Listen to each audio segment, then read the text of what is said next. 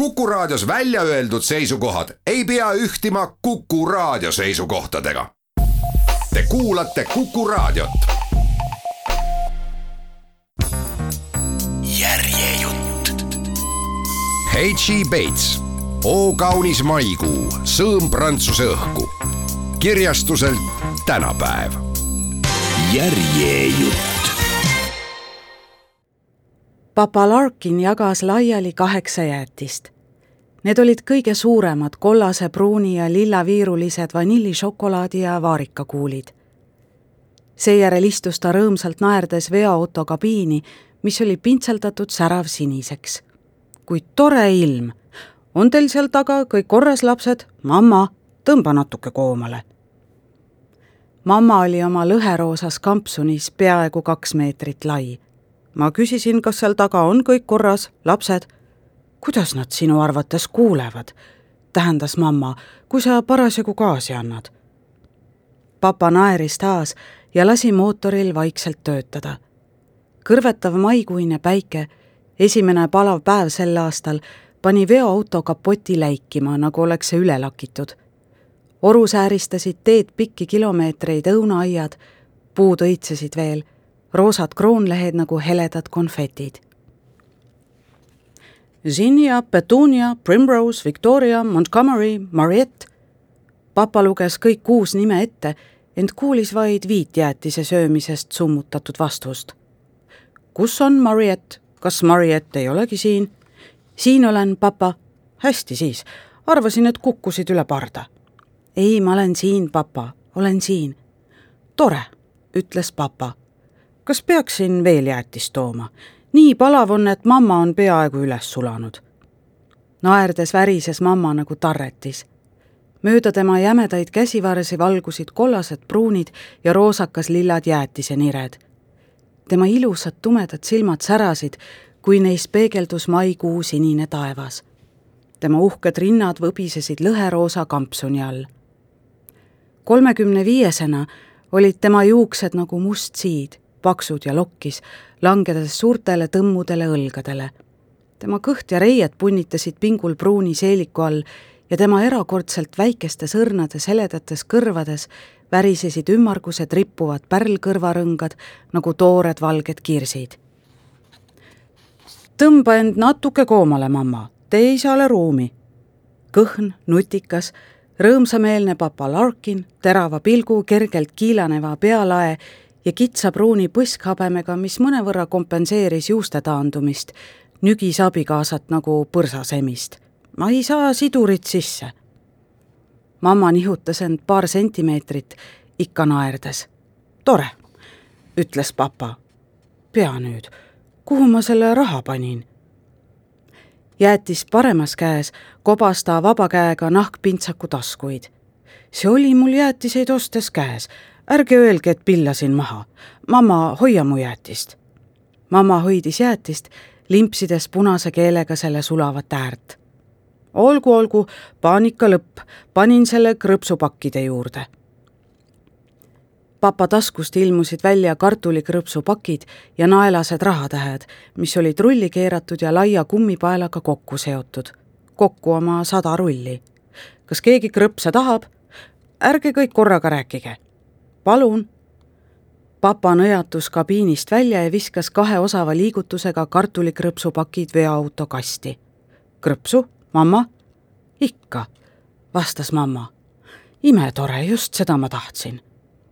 papa tõmbas taskust välja kolmanda paki kartulikrõpse ja andis mammale. siis võttis ta tagasi oma jäätise. Nonii, kõik on korras. ta lasi viimaks siduri vabaks, hoides jäätist rooli vastas. tore mamma, vaata taevast. päike säras imeliselt. peagi sõitis veoauto viljapuuaedade vahel, kus puud kergitasid kerges tuulehoos õrnu roosasid oksi. auto möödus maasikapõldudest. põhk on maha laotatud, sõnas papa. mõni päev läheb veel. juunis on maasikad valmis, kuu lõpus valmivad esimesed kirsid ja juulikuus tuleb veel kirsse ilusal suvel sai õunu mõnikord juba enne augustit ning umbes samal ajal küpsesid ka varased ploomid ja pirnid. augustis ja septembris sai veelõunu. septembris koristati humalat ja oktoobris korjati kartuleid. ainuüksi maasikatega oli suurel perel võimalik teenida viisteist naela päevas. näete, lapsed papa aeglustas tempot, sõites vabakäigul värske kollase põhuga kaetud vagude kõrval. Kas keegi tahab minna maasikaid korjama? vastuseks kõlavas häältekooris ei kuulnud papa juba teist korda Marieti häält. mis Marietil viga on, mamma? Marietil, mis mõttes? Pole teda täna naermas kuulnudki. ilmselt ta mõtleb, sõnas mamma sõnatuks kohkunud papa limpsis paberilt viimase šokolaadise jäätisetilga ning viskas paberi aknast välja. Mõtleb, mis asja peale ometi? ta saab lapse. oh, kostis papa. no olgu pealegi tore, vaat kui kena. mamma ei paistnud samuti eriti muretsevat. kes siis isa on? küsis papa. ta ei suuda otsustada mamma nosis rõõmsalt kartulikrõpse, silmitsedes veoautost mööda libisevaid kirsipuid, mille oksad olid täis paisuvaid vilju. Päikesepoolsel küljel olid need juba õrnalt roosatama hakanud. millaski peab ta ju ära otsustama, eks ole, sõnas papa. miks? no ma lihtsalt mõtlesin, lausus papa mamma, kes oli krõpsupaki peaaegu tühjaks teinud, kallas viimased kollased kübemed vasaku käe peopessa. aastatega oli ta läinud aina paksemaks. Kolm suurt türkiisi ja pärlitega sõrmust pitsitasid sõrmi aina tihedamalt, nii et aeg-ajalt lasi ta need lahti lõigata, suuremaks teha ja pani siis tagasi. ta arvab, et kas see Charles, kes töötas talus, selgitas mamma, või siis see noormees, kes töötab rongi peal, mingi Harry. teda ma tean, ütles papa, ta on abielus teine on praegu välismaal, ütles mamma, Tripolis või kuskil. noh, küllap saab puhkust. aasta jagu kindlasti mitte, lausus mamma ja ehk isegi siis mitte, kui sellest kuuleb. küll me midagi välja mõtleme, teatas papa. tahad veel krõpse? kuidas oleks äh, šokolaadiga? teeme peatuse ja joome õlut, mul on taga terve kast. praegu mitte, vastas mamma, oota, kuni koju jõuame, siis joome Guinessi ja ma soojendan praekala ja friikartuleid. Papa sõitis heatujuliselt, mõlemad käed nüüd vabad, vaadates rõõmsalt kirsse, õunu ja maasikapõlde, mis kõik olid maikuises päikeses nii kenad. kümne minuti pärast jõudsid nad koju. papa vaatas uhkuse ja rahuloluga kodumaja, mis ilmus järsku nähtavale hõreda metsatuka tagant, mis oli täis siniliilijaid ja siblivaid punakaspruune kanu. kodu tundub ilus, ütles ta, nagu alati, eks ole, nii tore, imeilus, ütles mamma. papa peatas veoauto tolmuses hoovis, mis oli täis nõgeseid vanu õlitünne, laineplekist seasulgusid ja roostetanud vanametalli nagu rõõmustades tõstsid korraga erutatult pead valged pardid, kolm halli kitse ja samuti punakaspruunid kanad, kellest mõni lehvitas tiibadega. täpselt õhtusöögi ajaks tagasi, sõnas papa. kell oli peaaegu neli. Kas kellelgi on kõht tühi? ta hüppas kabiinist välja. kõik naersid koos temaga. ta teadis, et neil on kõht tühi. alati oli. tulge maha, lapsed, maha ta lasi kastiluugi alla ja sirutas käed, et aidata nooremad ükshaaval alla. nüüd seisis veoauto kastis vaid veel sirge seljaga Mariette, jalas ratsapüksid ja seljas helekollane särk. ta oli nii kena oma mustade juuste, leebe pilgu ja tõmmu nahaga ning nii sale ja habras, et papa ei suutnud õieti uskuda, et mamma oli seitsmeteistkümneaastaselt näinud välja täpselt samasugune. Pole midagi, ma saan ise alla, papa papa sirutas käed, vaadates teda hellalt. ah, jäta, mamma ütles mulle. ma saan ise alla, papa. papa seisis ja vaatas teda. Marieti pilk, särav ja tume nagu emalgi, libises isast üle ja peatus hoovis. ootamatult kargas papale pähe mõte, et tütar kardab midagi, pole õnnelik. ta avas suu, et öelda midagi selle vähetõenäolise häiriva ennekuulmatu asjaolu kohta, kui järsku raputas Mariette oma tumedat pead ja ehmatas isa, teatades. papa, hoovis seisab mingi mees, seal hobuvankri juures on üks mees, ta vaatab meid. Papa läks üle hoovi hobuvankri poole. tal oli kaks hobust, noor must mära Marietile ja laiguline poni teistele lastele. Mariette oli hobuste järele hull tegeles maastikusõiduga, käis vahel jahil ja osales suurematel ratsavõistlustel koguni takistussõidus. ta oskas hobustega imehästi ümber käia. ta nägi hobuse seljas välja vapustav. tore, mõtles papa.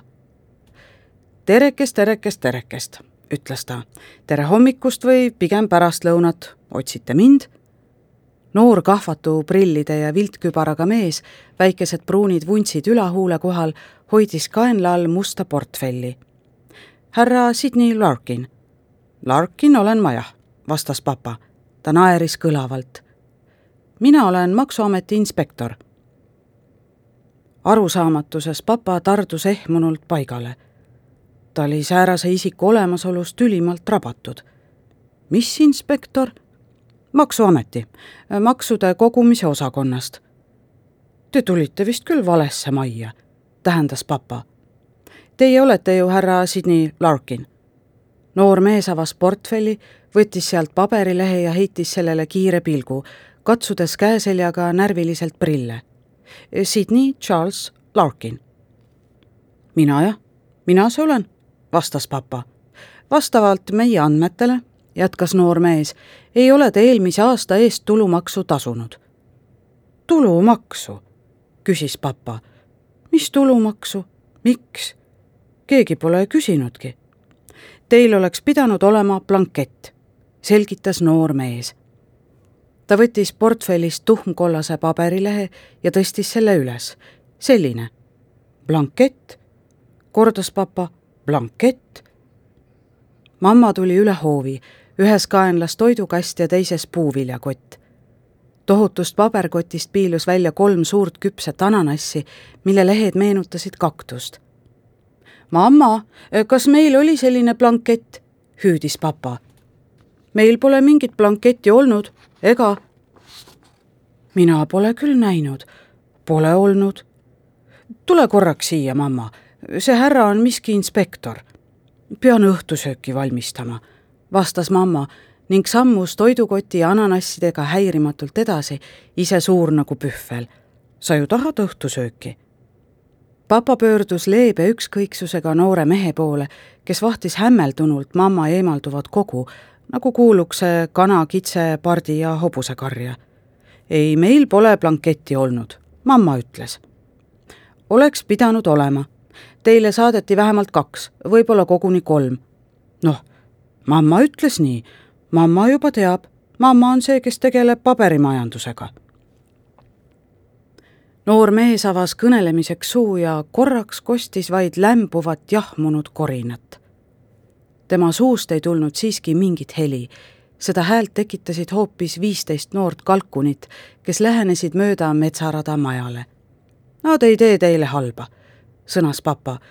kuidas oleks jõuludeks üks kena lind, valige kohe välja see blankett tuleb inspektorile tagastada, sõnas noor mees. see on seaduse järgi kohustuslik. ma ei saa ju seda tagastada, kui mul seda pole, sõnas papa. on ju nii? siin on teile blankett.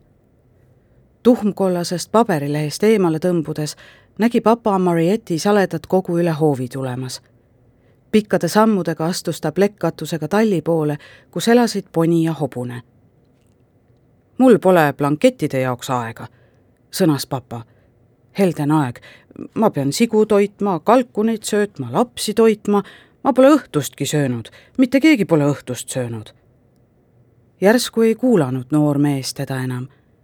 imetlusega vaatas ta tumedapäise Marieti kollases pluusis kogu. minu vanim tütar, selgitas papa, hobuste järele hull, ratsutamise järele hull. kas te ratsutate, härra härra, ma ei kuulnud teie nime. Charlton. kas tahate temaga kohtuda, härra Charleton? küsis papa. noor mees vahtis endiselt huuled paukil. tulumaksuplankett libises tema sõrmede vahelt päikeselise suvetuulega lendu.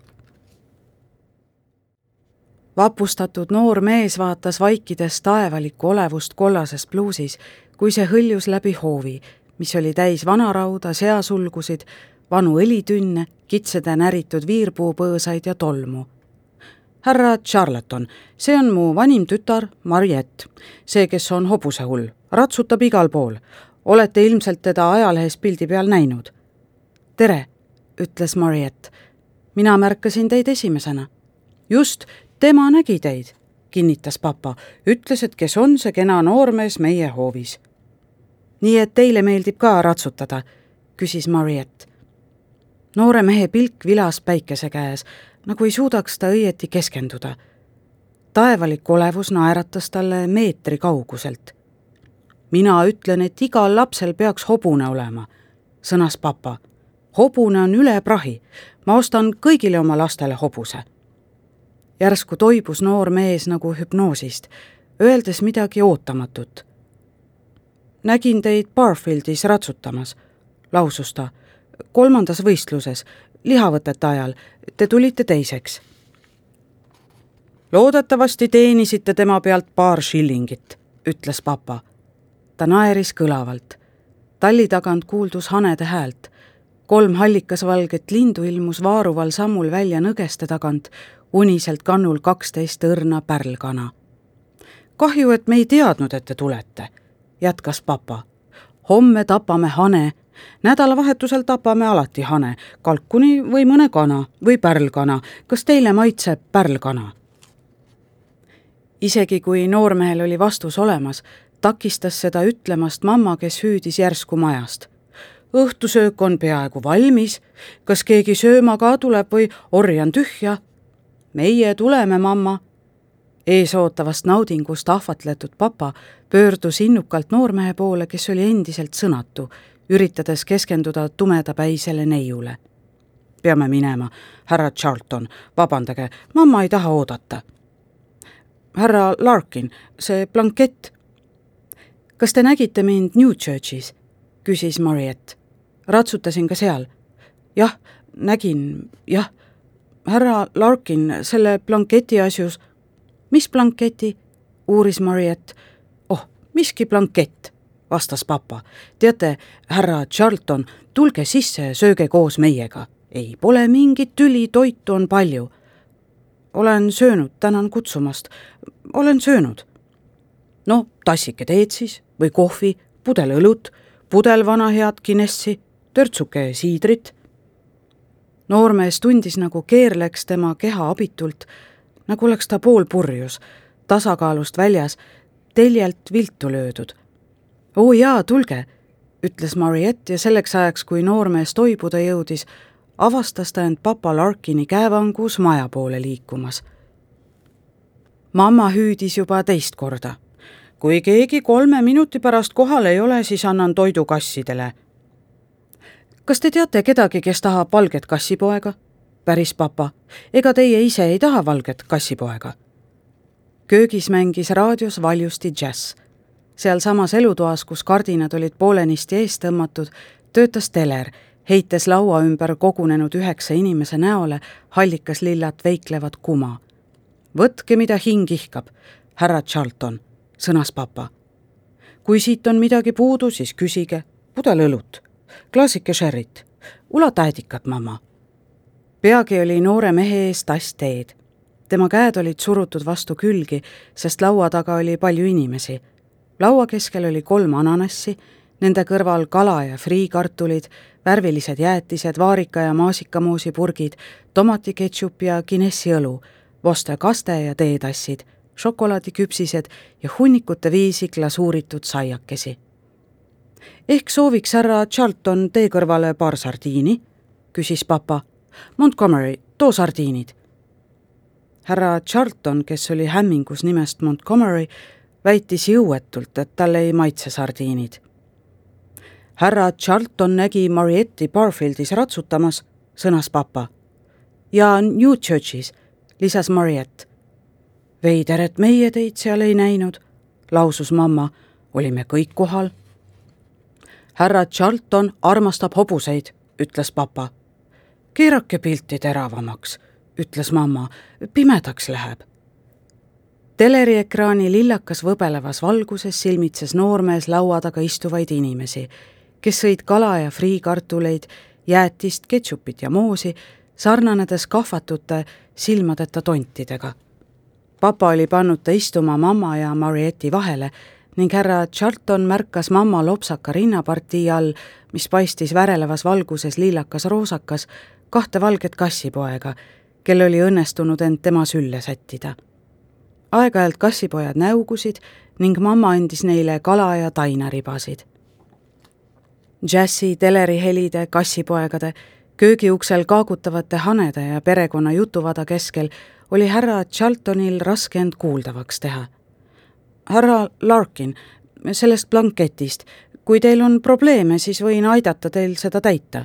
olgu, sõnas papa, täitke see siis ise ära. ikka on liiga tume, sõnas mamma. säti veel antenni, see ei püsi viimasel ajal üldse enam seal, kuhu keeratud.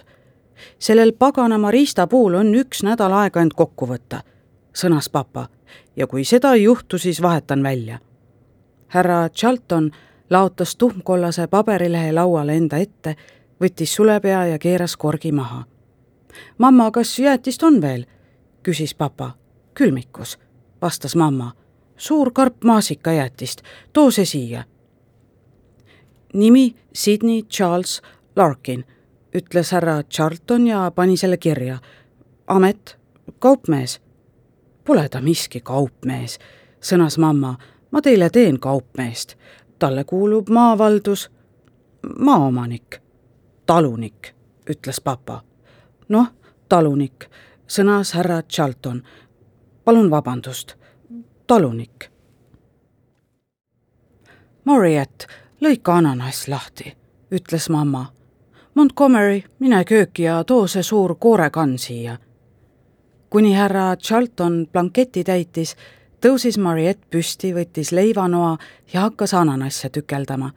ta pani taldrikutele suured mahlased viilud, millele mamma kallas paksu kollakat koort. tõeline Jersey koor, tähendas mamma, meie enda lehmalt. iga kord, kui Mariette võttis järgmise taldriku, riivas ta härra Charltoni varrukat, kes seepeale tekitas maksublanketile tindilaigu või ei suutnud üldse kirjutada. mitu last küsis härra Charlton. kuus, on nii, mitte rohkem? noh, veel mitte, vana poiss, aega ju on, andke meile võimalus, vastas papa ja naeris taas oma kõlaval moel. jälle läinud, teatas mamma, mitte midagi ei näe. Montgomery, Primrose, vahetage see meie magamistoas oleva teleri vastu. hämaruses, mis nüüd toas valitses, tundis härra Charlton midagi siledat, tussjat ja saledat oma paremat säärt riivamas. ühe ebakindla äreva hetke oli ta veendunud, et Mariette on põiminud oma jala tema oma ümber. kui siug ja silitus kerkis reieni, tundis ta, kuidas kõris hakkab nöörima. alla vaadates nägi ta, et laua all on haned. mamma pudistas neile kalatükikesi, jahtunud kartulit ja saia ärevuse tõttu oli härra Charltonil keeruline järgmist tähtsat küsimust esitada. loomulikult on see igas mõttes konfidentsiaalne, sõnas ta, aga milline on teie hinnanguline sissetulek? hinnanguline, hinnanguline, kordas papa. sissetulek, mis sissetulek? Montgomery ja Primrose, kes olid teleri minema viinud, tulid tagasi suuremaga rahu teie kaks, rahu, ütles mamma, vaadake, kuhu astute. ettevaatust, baarikapp. kuuled, mamma, küsis papa, sissetulek. mamma hakkas naerma samamoodi nagu veoautos, värisedes nagu tarretis. pigem väljaminek, sõnas ta. ma ütleksin väljaminek. kuus last toita ja riietada, rääkis papa. see koht üleval pidada, sööta vaja osta, nisu on kallis nagu kullatolm, seasööda hind ehmataks teid surnuks, elamiskulud aina kasvavad, loomaarsti arved, lindude parasiidid, suu- ja sõrataud, sigade katk, linnud surevad alatasa, sissetulek, vanapoiss, sissetulek, natuke seda ei teeks paha vanapoiss. enne kui härra Charlton jõudis vastata, heitis teine teler toale kahvatu ebamaise kuma, mis seekord oli veidralt ja painajalikult roheline. samal hetkel nõudsid kaksikud Zinja ja Petunia veel ananassi. haned sahistasid laual ja Mariette, kes tõusis uusi viile lõikama, pöördus järsku härra Charltoni poole, vabandades poolsosinal tagasihoidlikult. palun väga vabandust, härra Charlton, ma ei pakkunud teile ananassi, kas soovite? tänan, ei, ma ei saa seda süüa, liiga hapu, kui kahju. äkki muudate meelt, need on väga küpsed. peavadki olema, torkas mamma vahele, maksid kena kopika. kahjuks ma ei saa seda süüa, vastas härra Charlton. pean olema väga ettevaatlik, pean suures osas munade ja muu säärasega piirduma. munadega, kordas papa. munadega? miks te ei öelnud? meil on mune küll, eks ole, mamma? Anna härra Charltonile tee kõrvale paar keedetud muna. kas sooviksite? küsis mamma. paar keedetud muna, härra Charlton, mis te kostate? mamma rõõmuks tunnistas härra Charlton, et seda sooviks ta tõepoolest. ma keedan, sõnas Mariette. kolm minutit, neli, kui kaua? väga vedelad, vastas härra Charlton kolm. ilusad, suured ja pruunid, hüüdis papa Marietile, kes suundus kööki. haned järgnesid talle, riivates möödudes härra Charltoni jalgu. see muutis ta taas ebakindlaks ja ärevaks. see sissetulek, jätkas härra Charlton siis. kas te umbes oskate öelda, umbkaudu?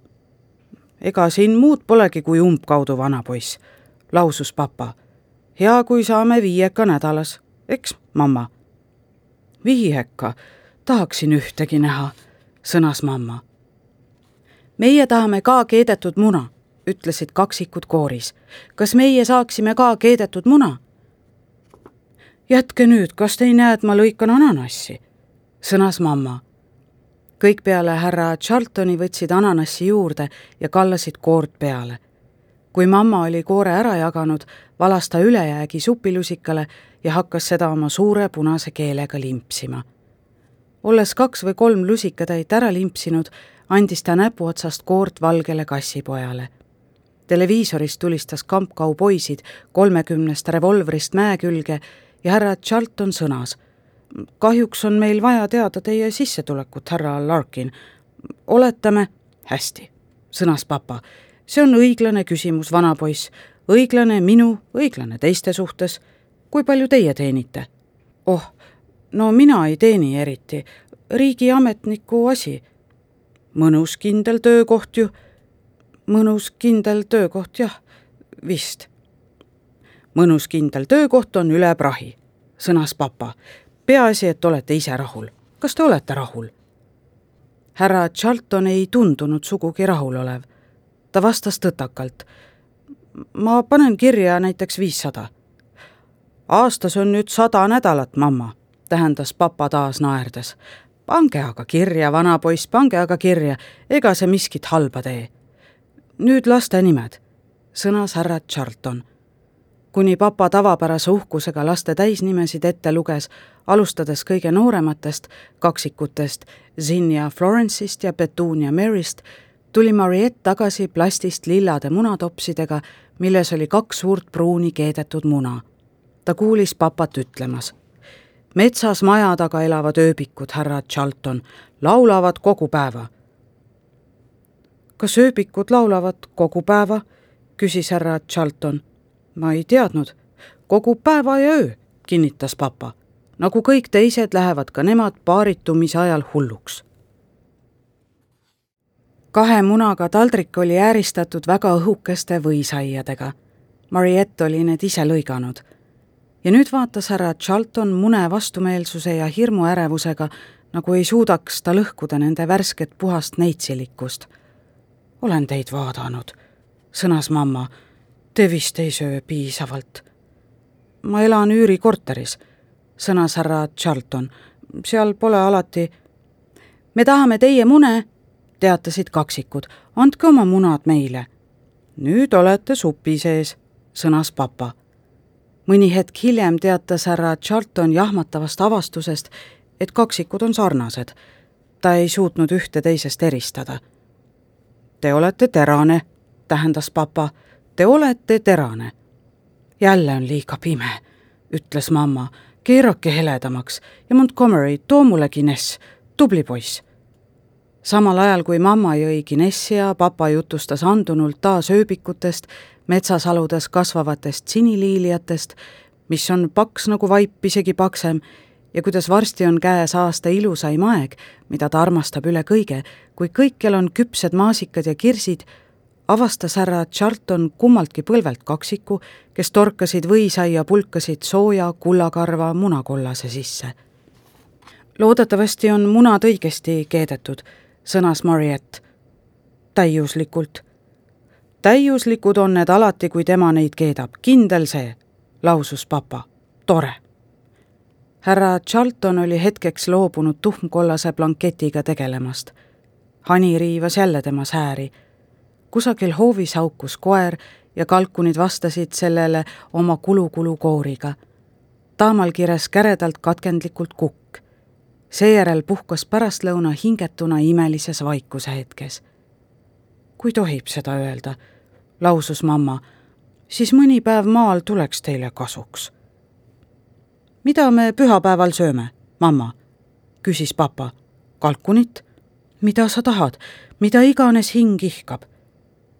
seapraadi, teatas Montgomery. mulle maitseb seapraad pruunide sibulatega.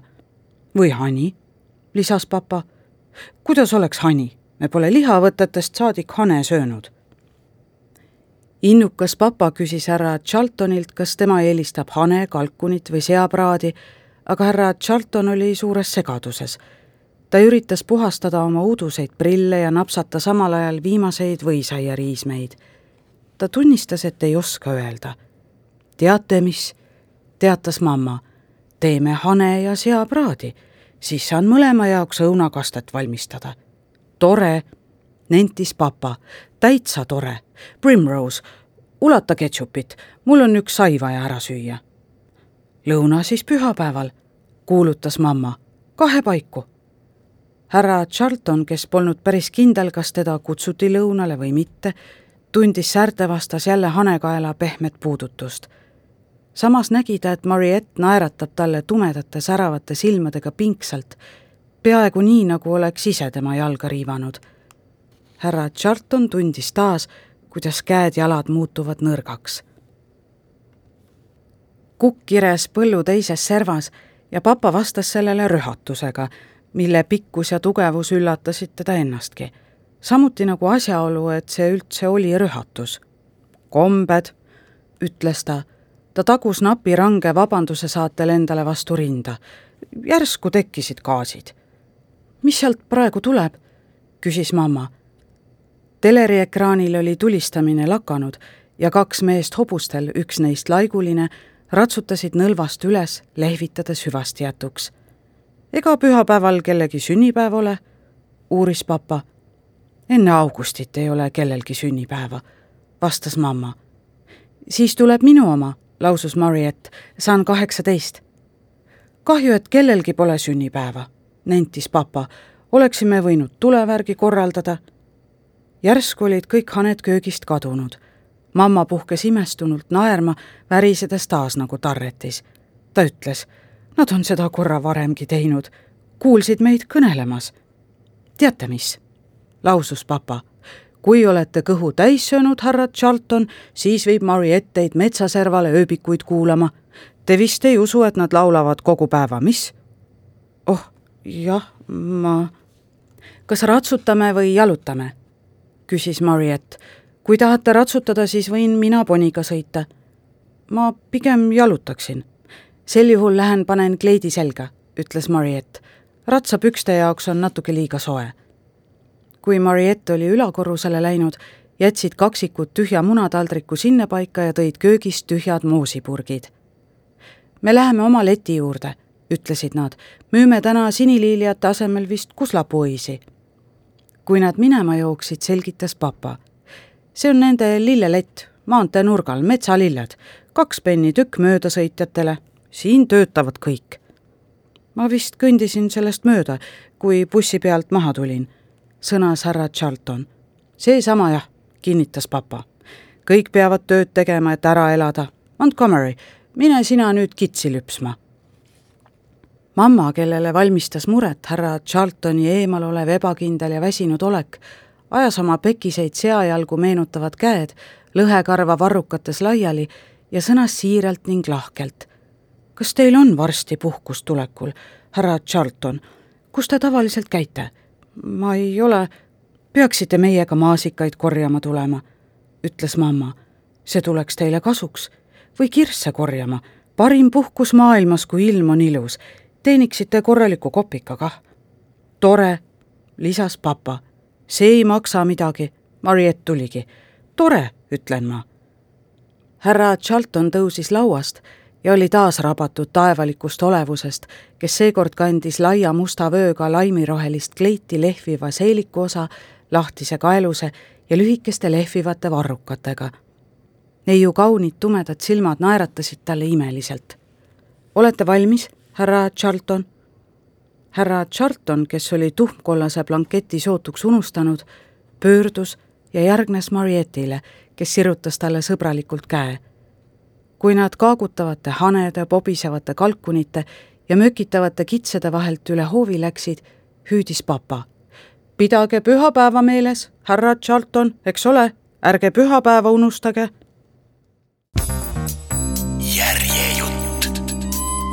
H.E. Bates, O kaunis maikuu, sõõm prantsuse õhku. kirjastuselt tänapäev. järjejutt